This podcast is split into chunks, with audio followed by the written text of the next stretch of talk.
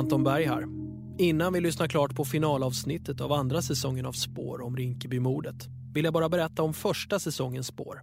Då handlar det ju om mordet i Kalamark 2004.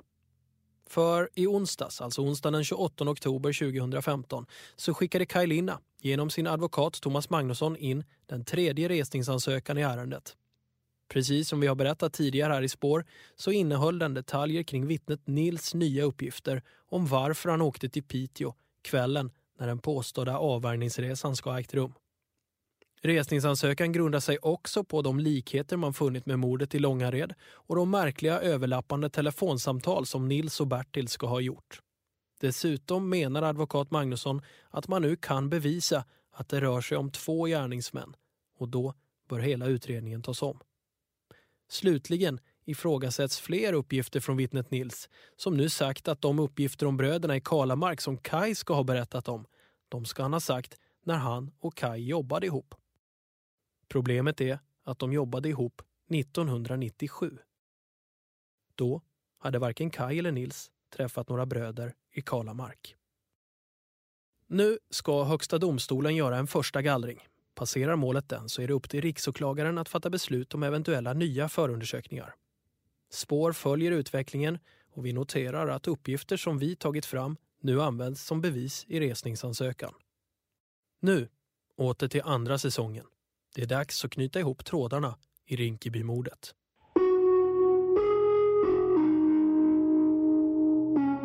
Han hatar oss jättemycket. Han, är, han bränner mina barn. Hur menar du bränna dina barn? Han säger jag ska bränna dig och dina barn en dag. Han har gjort. Jag var inte där. Absolut inte. Eh, sa han det nu eller? Okej. Okay. Tre bröder och deras kusin dömdes alla för mordet i Rinkeby. De två äldre bröderna de dömdes dels för att deras telefoner befann sig i Rinkeby natten då mordet skedde. Men också för att deras farbror i en serie förhör säger att de har planerat och utfört mordet tillsammans. Men ett gammalt band från förhören med de dömda brödernas farbror väcker frågor. Men den uppgiften den är ett tecken på att det finns allvarliga brister i utredningen som inte har uppmärksammats. Och då ska man tillägga allvarliga brister utöver alla de brister som redan finns. Att de inte dokumenterar, för det där är ju viktigt ju. Och i jakten på farbrodern träder en person som aldrig tidigare ställt upp på intervju. När vi sitter i bilen sades inte så mycket faktiskt. Det var spänt. Det var tyst. Jag hade Önders telefon. Jag tog ju den från honom från boxningslokalen. Vi boxade tillsammans. Ute i Sollentuna. Du lyssnar på Spår om Rinkebymordet. Femte och sista delen.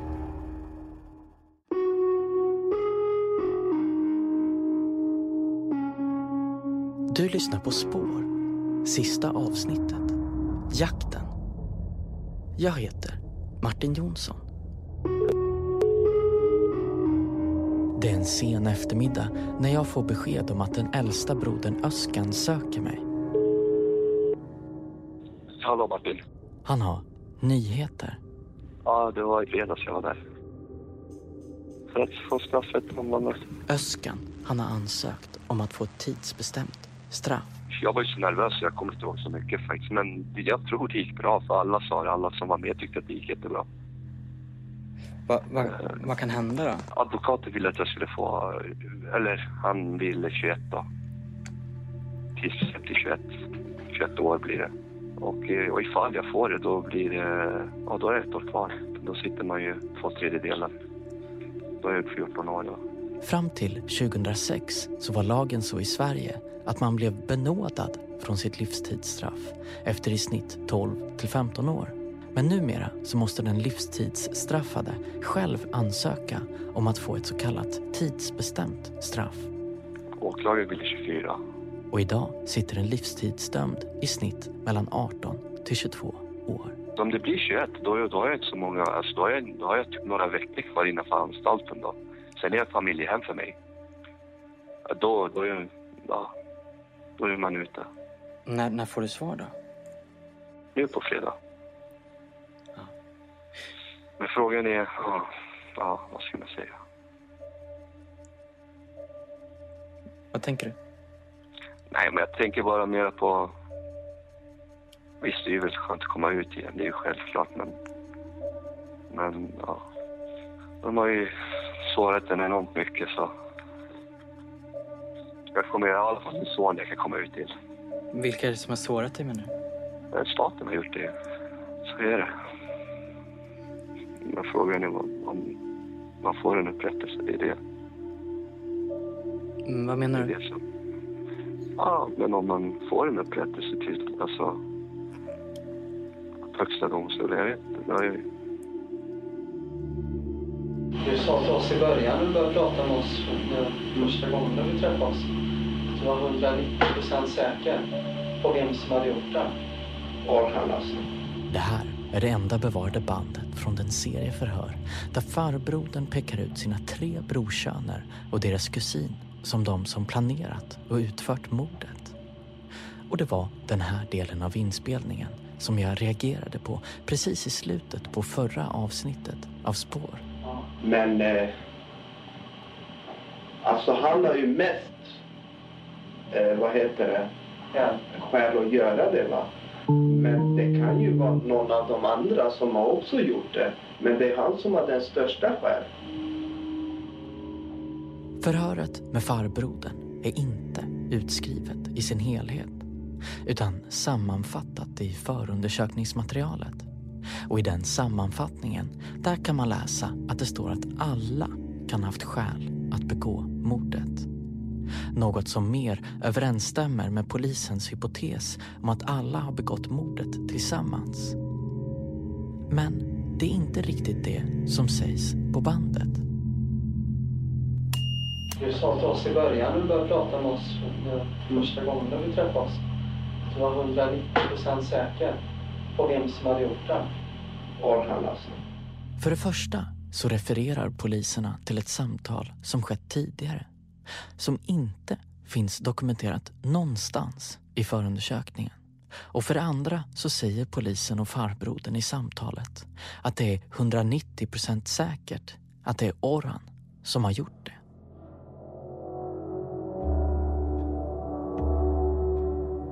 Vad är det som har hänt? Vad försiggick egentligen under den här serien av förhör? Jag bestämmer mig för att ge mig ut på jakt på farbrodern för att försöka få klarhet i vad som hände. Och jag börjar med att ringa den äldsta brodern Öskan igen, sent på kvällen. Tror du att du skulle kunna hjälpa mig att komma i kontakt med honom på något sätt? Ja, det kan jag ju nog göra.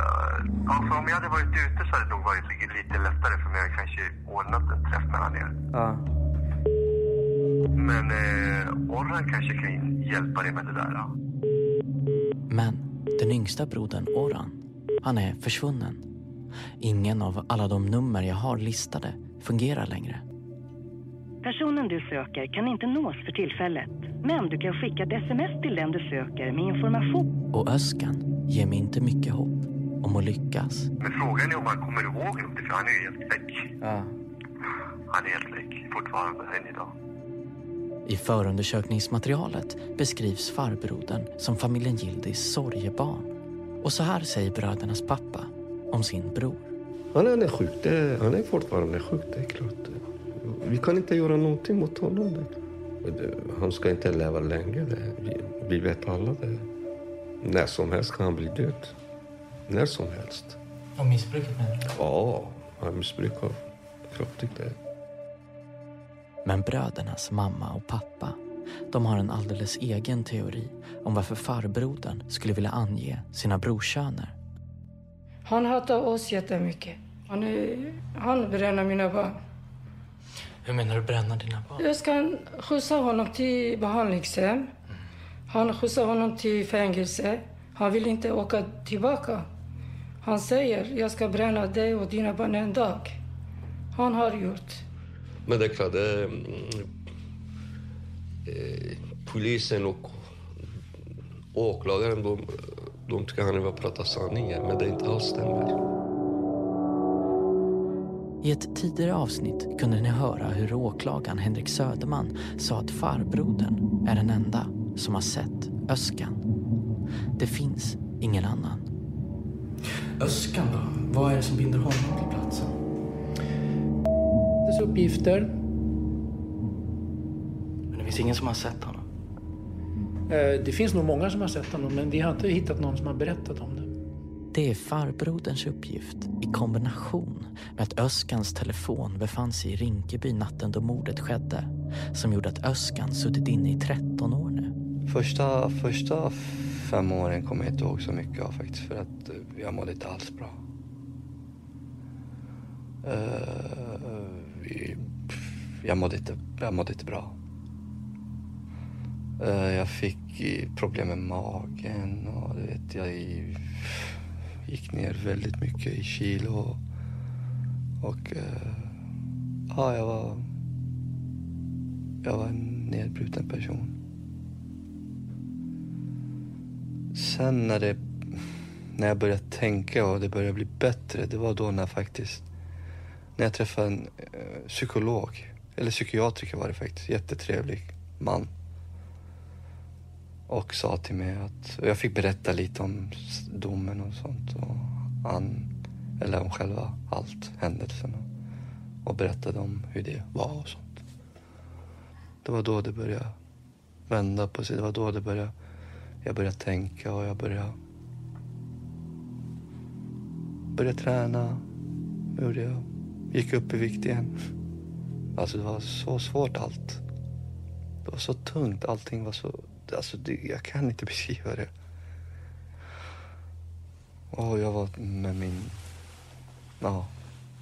Jag saknade mitt, min ex då väldigt mycket och du vet, ja, jag saknade min son såklart. Och jag har ju inte själva det här bandet med min son. Som, för, för, när jag ser honom blir jag glad bara. Jag tänker, åh wow, vilken pojke, du vet. Och sånt. Men så fort, du, du vet, det är inte den här... Jag måste ju vara med honom. Jag måste, vi måste alltså, bygga upp en band. Så man vet att det här är... Men... Eh, men vi jobbar ju på det. Jag, eller jag jobbar på det just nu. Men visst, jag har haft besökslägenheten också på då, då när de hade på Tidaholmanstalten, där hade de en besökslägenhet. Då fick de sova över där. Men eh, då var det mera, då, då tänkte man då tänkte man bara, man var helt, hade fjärilar i magen när man gick till besökslägenheten. Men så fort man kom till lägenheten så tänkte man, alltså det var ju jättekul stund. Men så tänkte man, men det här, det tar snart slut. Och då var man, mådde man dåligt, fast jag hade fortfarande besök. Så tänkte man, och försökte bara hålla masken, du vet att ja, allting är bra. Men man börjar fatta nu. Han vet att det är farbror, säger han i alla fall. Har han sagt. Men, mm.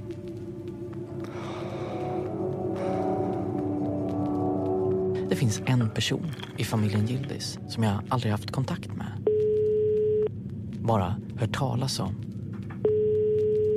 Det är den farbror till bröderna som advokat Thomas Rottpfeffer hjälpte att få uppehållstillstånd i Sverige efter att farbrodern blivit utvisad till Turkiet i samband med att turk och skomakarligan avslöjades. Alltså de ligor som smugglade heroin in till Sverige. Den här farbrorn, han heter Kemal. Vad kände Ja, hej, har jag kommit till Kemal? Ja, det är jag. Och jag ber honom hjälpa mig. Ja. ja och vi kommer klockan fyra. Vi sitter på Sollentuna centrum vid Brättan. Kemal ska ta med sig farbrodern. Sollentuna centrum klockan fyra. Ja. Han vill att jag kommer ensam. Dag eller du ensam? Ja, jag, jag kan komma ensam. Okej. Det är bra.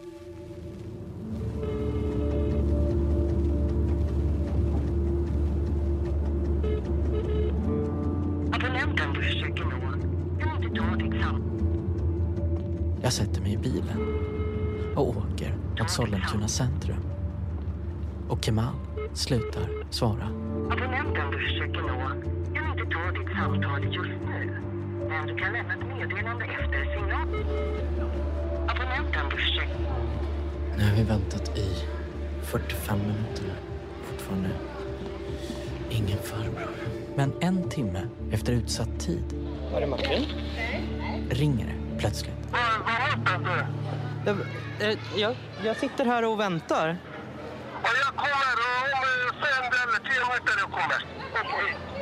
Kemal kommer gående. Martin! Hej! Hej, vad fint! Kemal, ja. Ja, vad bra. Hej, ja. Men farbrodern är inte Ja. med. Vi sitter någonstans va? Däremot mellanbrodern Önder. Var lika ni alla är. Jag trodde två skulle heta Oran. Vet du vad vi gör? Amja. Uh, Oran är som- en som yngre. Och plötsligt faller en oberättad pusselbit på plats. Önders version av händelseförloppet i slutet av februari 2002. Önder, precis som sina bröder, dömdes för mordet på offret Rado men har nu avtjänat sitt straff. Ett av de viktigaste bevisen mot Önder var att hans telefon befann sig i Rinkeby under mordnatten. Den, den dagen så, så tränade jag boxning. Det kommer jag ihåg. Eh, den, den tiden så var jag ganska aktiv inom boxning. Då. Så jag glömde min telefon i, i ett skåp om jag minns rätt idag. Och eh, sen tänkte jag inte mer på det. När jag gick därifrån så upptäckte jag att telefonen var inte, alltså jag hade inte den med mig. Det var när jag var i bilen för att jag skulle ringa, ta, ringa ett samtal. Och enligt Ander så sitter han alltså i bilen med sin storebror Öskan under mordnatten på väg till Gävle. Det var så här att jag och Öskan, eh, eller Öskan rättare sagt, han skulle köra upp min farbror Bedran. Då bodde han i Gävle och hans dotter till, eh, till Gävle. Och Bedran var här på någon, affärs, någon affärsmöte om jag minns rätt. Med, med någon vän till sig själv. Och eh, Öskan ville att jag skulle följa med som sällskap, det var det. Så det är min bror, så jag tänkte jag, jag följde med han. Jag hade, jag hade ändå ingenting så här, jag hade inget arbete som jag skulle tänka på. Det var ganska stormigt den dagen. Vi, vi hade tänkt att vända tillbaka samma, samma kväll men då ville att Bedran att vi skulle stanna, sova över då, så vi kunde åka på morgonen. Sen dagen efter, vid lunchtid, om jag minns rätt, så, så skulle Öskan gå in i en tobak, tobaksaffär och köpa snu, äh, eh, cigaretter då, och snus till mig. Och eh, då köpte han tidningar och att, att han läste att det hade hänt någonting i Rinkeby. Så här säger Öskan om hur han fick reda på vad det var som hade hänt. Alltså, jag, det är klart. Jag sitter här och säger nej, jag fick inte reda på det. Jag visste inte om det. Det är klart jag visste ju det efter själva. Jag fick ju reda på det sen när min pappa och de alla, det var ju klart alla snackade ju. Ringde de liksom? Sa Nej, nej, jag hade ingen telefon den dagen. Så jag kanske till farbror kanske de ringde, ja. Kan stämma, ja. Vad tänkte du då? Jag vet inte. Jag vet hur jag tänkte där. Jag tänkte bara, "Vad shit. Vad fan händer nu? Tänkte jag. Så tänkte jag. Varför? Sen när man var häktad, då tänkte man mer på varför. Varför gjorde han så? Vilken idiot och sådana grejer. Men då tänkte, men då tänkte jag inte så långt. Då tänkte jag bara, oh, shit, vad har hänt? Vad fan? Vad kan kommer hända nu? Typ sådana grejer. Tänkte man på då. Både Önders och Öskans telefoner befann sig bevisligen i Rinkeby, även fast de hävdar att de var i Gävle. Det var det här i kombination med att farbrodern knyter alla bröderna och deras kusin till mordet med sitt vittnesmål som gjorde att de dömdes. Men dessutom så menar både tingsrätt och hovrätt att konflikten med offret Rado inte bara var Orans utan även hans äldre bröders. Något som Önder bestämt förnekar. Men hur, hur inblandad var du i slagsmålen mellan Oran och Rado? Noll procent. Absolut ingenting. Orhan höll saker och ting för sig själv men... Och än idag, det är, inte, det är min bror men det är inte så att vi har kontakten. Han, han, han klarar sig och jag klarar mig. Och, så vi är ändå två starka viljor om man säger sådär. Han vill inte ha hjälp från någon. än. Det var inte så att han kom och bad, och, bad oss om hjälp. För han var han var tuff, han var stark, han var pådrivande person. Så eh, han klarade sig själv bra utan oss. Önder dömdes till tio år. Han fick inte livstid som Öskan på grund av sin låga ålder. Och Önder satt sammanlagt sju år.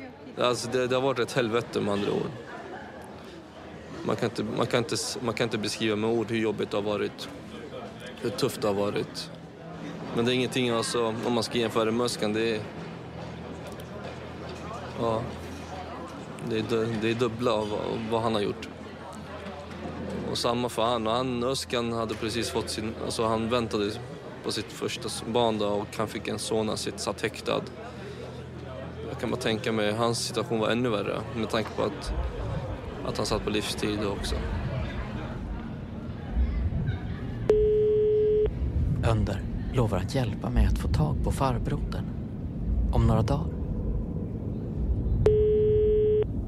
Under tiden hinner det bli fredag.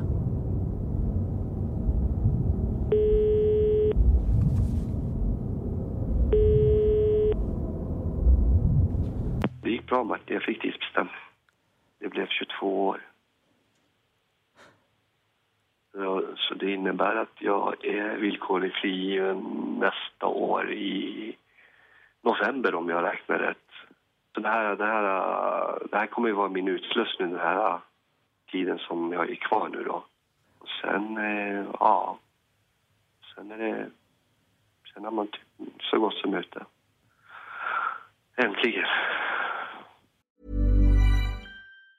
Jewelry isn't a gift you give just once. It's a way to remind your loved one of a beautiful moment every time they see it. Blue Nile can help you find the gift that says how you feel and says it beautifully with expert guidance and a wide assortment of jewelry of the highest quality at the best price. Go to BlueNile.com and experience the convenience of shopping Blue Nile, the original online jeweler since 1999. That's BlueNile.com to find the perfect jewelry gift for any occasion. BlueNile.com. If you thought the only way to get a more defined jawline with natural looking results was through surgery, think again. Juvederm Volux XC is a non surgical injectable gel filler that improves moderate to severe loss of jawline definition and can help you achieve natural looking results with little downtime. Even better, this improved definition lasts up to one year with optimal treatment. No maintenance required. Improve jawline definition for a smooth, sculpted look with Juvederm Volux XC. For important safety information and to find a licensed specialist, visit juvederm.com. That's J U V E D E R M.com. Not for people with severe allergic reactions, allergies to lidocaine, or the proteins used in Juvederm. Common side effects include injection site redness, swelling, pain, tenderness, firmness, lumps, bumps, bruising, discoloration, or itching. There's a risk of unintentional injection into a blood vessel, which can cause vision abnormalities, blindness, stroke, temporary scabs, or scarring. Talk to a licensed specialist to find out if it's right for you. Ja, det är helt otroligt. Alltså det är, I lördags när jag vaknade, för första gången vaknade man med typ... Alltså, jag vet inte. Konstigt att säga det, men typ men... Alltså sån lättnad, du vet. Det är som en stor, tung sten som har släppt. Så det känns bra faktiskt att göra det. Så det kan, kanske är därför jag inte kan sova heller. För jag låg och grubblade igår jättemycket. Vad tänkte du på då? Jobb och allt möjligt. Körkort och vad jag ska göra och... Alltså, det var tusen olika grejer i huvudet.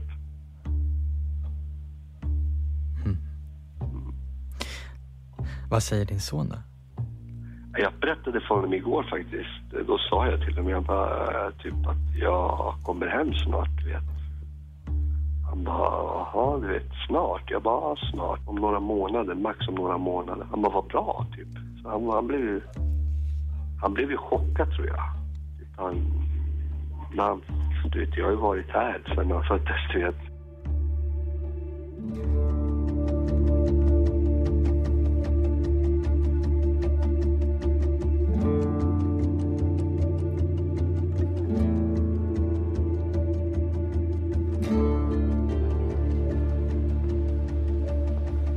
Dagar senare så står jag återigen vid Sollentuna centrum Återigen med ett löfte om att få träffa farbrodern.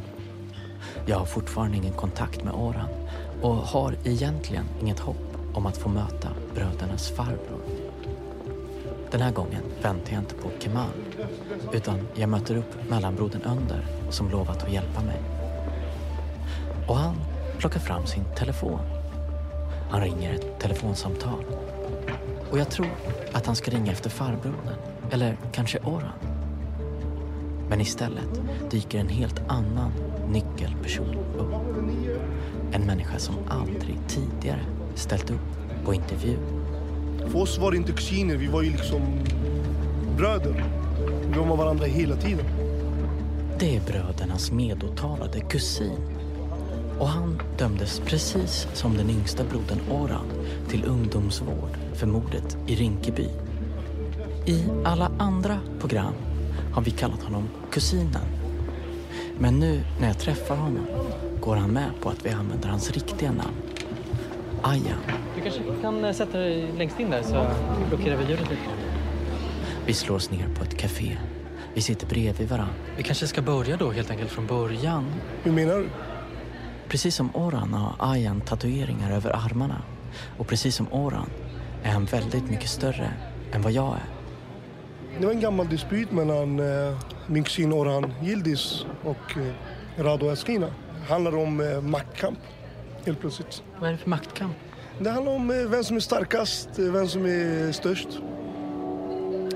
Så de här, eh, ja, helt plötsligt börjar de eh, gå över gränserna.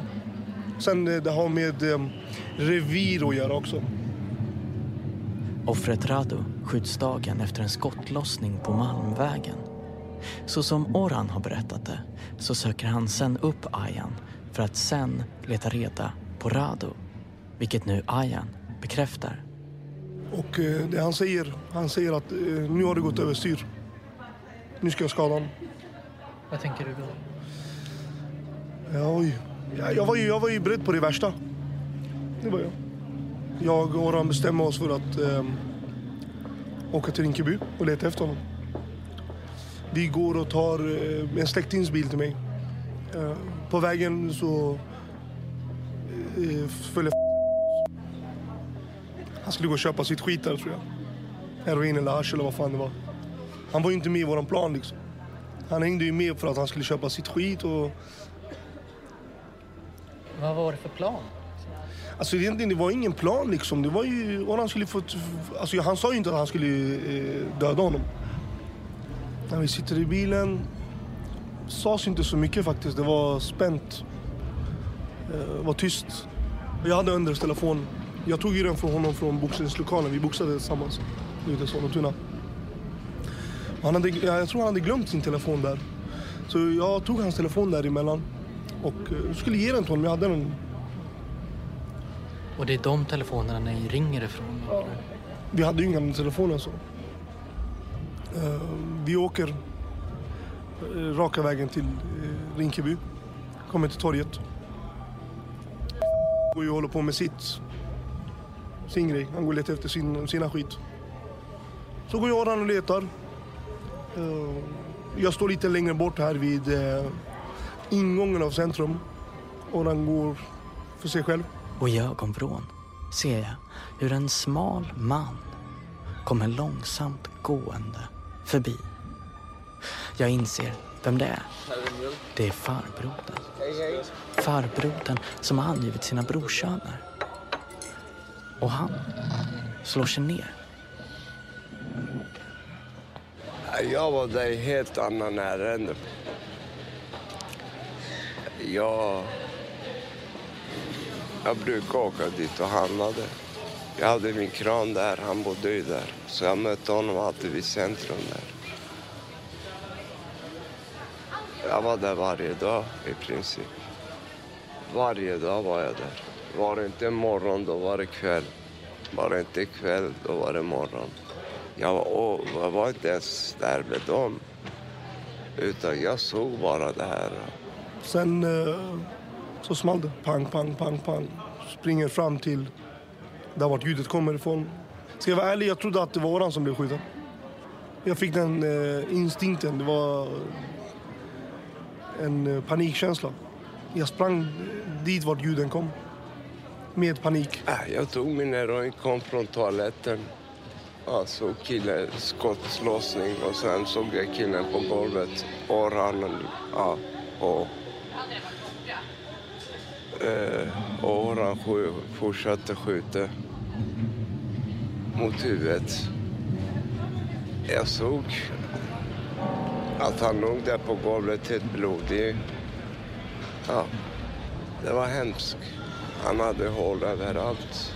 Jag skrek till och med på honom att han ska sluta. Men det var typ som om det var eld i hans ögon. Det gick inte, det gick inte att få någon kontakt med honom. Alltså, det var inte Orhan, det var en annan människa. Det är självklart jag blir rädd sen efteråt att de kommer ta hämnd på mina brorsöner. Det var därför jag liksom, ja, det kom fram allt. Jag tänkte hellre att mina brorsöner sitter inne än att någon av dem ska bli dödade. Det var min tanke. Jag skulle inte lagt mig, kanske det hade inte blivit så här. Vad var det som hände efter att, du, eh, efter att polisen berättade att du hade blivit delgiven misstanke för mord? Vad gjorde du då? Så jag försökte ta självmord till och med där inne. Jag skar ju med hela armen ända härifrån ända hit. Och sen när nerverna allt gick av. Jag ville ta mitt liv. Jag orkade inte längre. Det är väl bättre le- dö, dö än att leva sånt här jävla liv. Gå upp på morgonen, gå och jaga heroin liksom. Men vad hände under polisförhören då? Det var ju som polisen liksom, det var som om det var som de la silverfat till mig liksom. Så ja, det är han, han, han, han, han. Så att det var det jag sa. Jag gick efter dem. Ja. Så att då var det inte svårt. Alla, varje förhör var jobbig. Sitta där och säga det de vill liksom. De mer och mindre sa till mig liksom. Visa detaljer liksom. Detaljer hela tiden. Det var så, så jag kunde lämna sådana förhör och det. Ja. Men hur kommer det sig att du sa att, att de hade planerat mordet tillsammans? Jag, jag sa det polisen ville höra. Faktiskt. Det var det de ville höra. Och det var det jag sa till dem. Men, men du, i ett, en del där då så, så säger du så här... Eh, det är 190 procent säkert att Orhan är den som har skjutit. Det är Orhan som har gjort det. Mm. Det stämmer. Det är Orhan. Men hur kom det sig att du sa att det var alla då? Alltså alla, jag menar att de som var där, men det var Orhan som dödade honom. Det var ingen annan som gjorde något. Det var Orhan som dödade Men varför sa du att alla var där? Ja, för att ja, jag tänkte polisen ville veta vilka som var där också. Vilka var där mer förutom du och eh, Orhan? Ayhan var där. Och sen, jag vill inte gå in mer på detaljer vilka mer, men Ayhan var där också. Och jag vet, Özcan är oskyldig och jag säger till dem att Özcan är oskyldig gång på gång, gång på gång. Under då? Det vill jag inte gå in på. Farbrodern säger nu något som aldrig tidigare har kommit fram. Att det kan ha funnits någon mer där. Det här är en människa med flertalet psykiska diagnoser och med ett allvarligt missbruksproblem. En man som polisen i sina förundersökningsprotokoll säger sig vara kapabel till att mörda. En man som först ringt in och angivit sig själv två gånger. Som sen berättat för sin vårdare att han vet vem som sköt. Som efter det att han blivit anhållen förnekat allt. som efter det att spärrvakten pekat ut honom som möjlig skytt skadat sig själv allvarligt och sen angivit sina brorsöner i en serie förhör. Det här är den man som både åklagare, tings och hovrätt bestämt sig för att lita på. Han är det enda vittnet som knyter den äldsta brodern Öskan till mordet genom att i polisförhören säga att han var med och planerade och utförde själva handlingen. Något som nu farbrodern säger sig ha fått serverat på ett silverfat. Han hävdar nu att Öskan är oskyldig. Men också att det kan ha funnits någon mer där. Går det att lita på vad han säger? Medan åklagaren och rätterna menar att han är trovärdig hävdar försvaret och många andra som granskat det här fallet raka motsatsen. De som satt inne, det var de rätta. De har fått sina straff. De är ute. Men Öskan just var oskyldig. Han kan jag gott samvete säga, men resten vill jag inte gå in på. Under då? Det vill jag inte gå in på. Men Om det är någonting du inte har berättat så kan du ju berätta det nu. resten, eh, jag vill inte blanda in. Så här säger Önder. Jag var inte där. Absolut inte. Eh, Sa han det nu eller? Okej. Det finns ju bevis, alltså det finns ju personer som har pekat, alltså pekat ut mig på en helt annan plats, helt som är oberoende. Jag vet inte riktigt var, varför han sa att jag var där. Men du var inte där? Absolut inte. Nej. Jag, jag, jag blir nu faktiskt ledsen när han säger att, att jag var där. Finns det någonting som liksom inte har kommit fram som ni vet om som jag borde veta? Liksom? Alltså i början så ville ingen gå ut med hela sanningen men sen eh, valde åren att kliva fram och verkligen berätta vad, hur allting hade gått till. Så allting, alla, alla kort är på bordet. Så det, vi har kört med öppna kort, men farsan ville att vi skulle köra med några stängda kort, men, ja, vilket vi var tvungna. Men det var mer för kanske typ för min pappas skull. Så, ja. Mellanbrodern Önder säger alltså att alla kort ligger på bordet. Kanske kommer vi aldrig få reda på exakt vad som hänt. Men frågan kvarstår fortfarande hur bevisen mot den äldsta brodern Öskan skulle behandlas om de togs upp på nytt.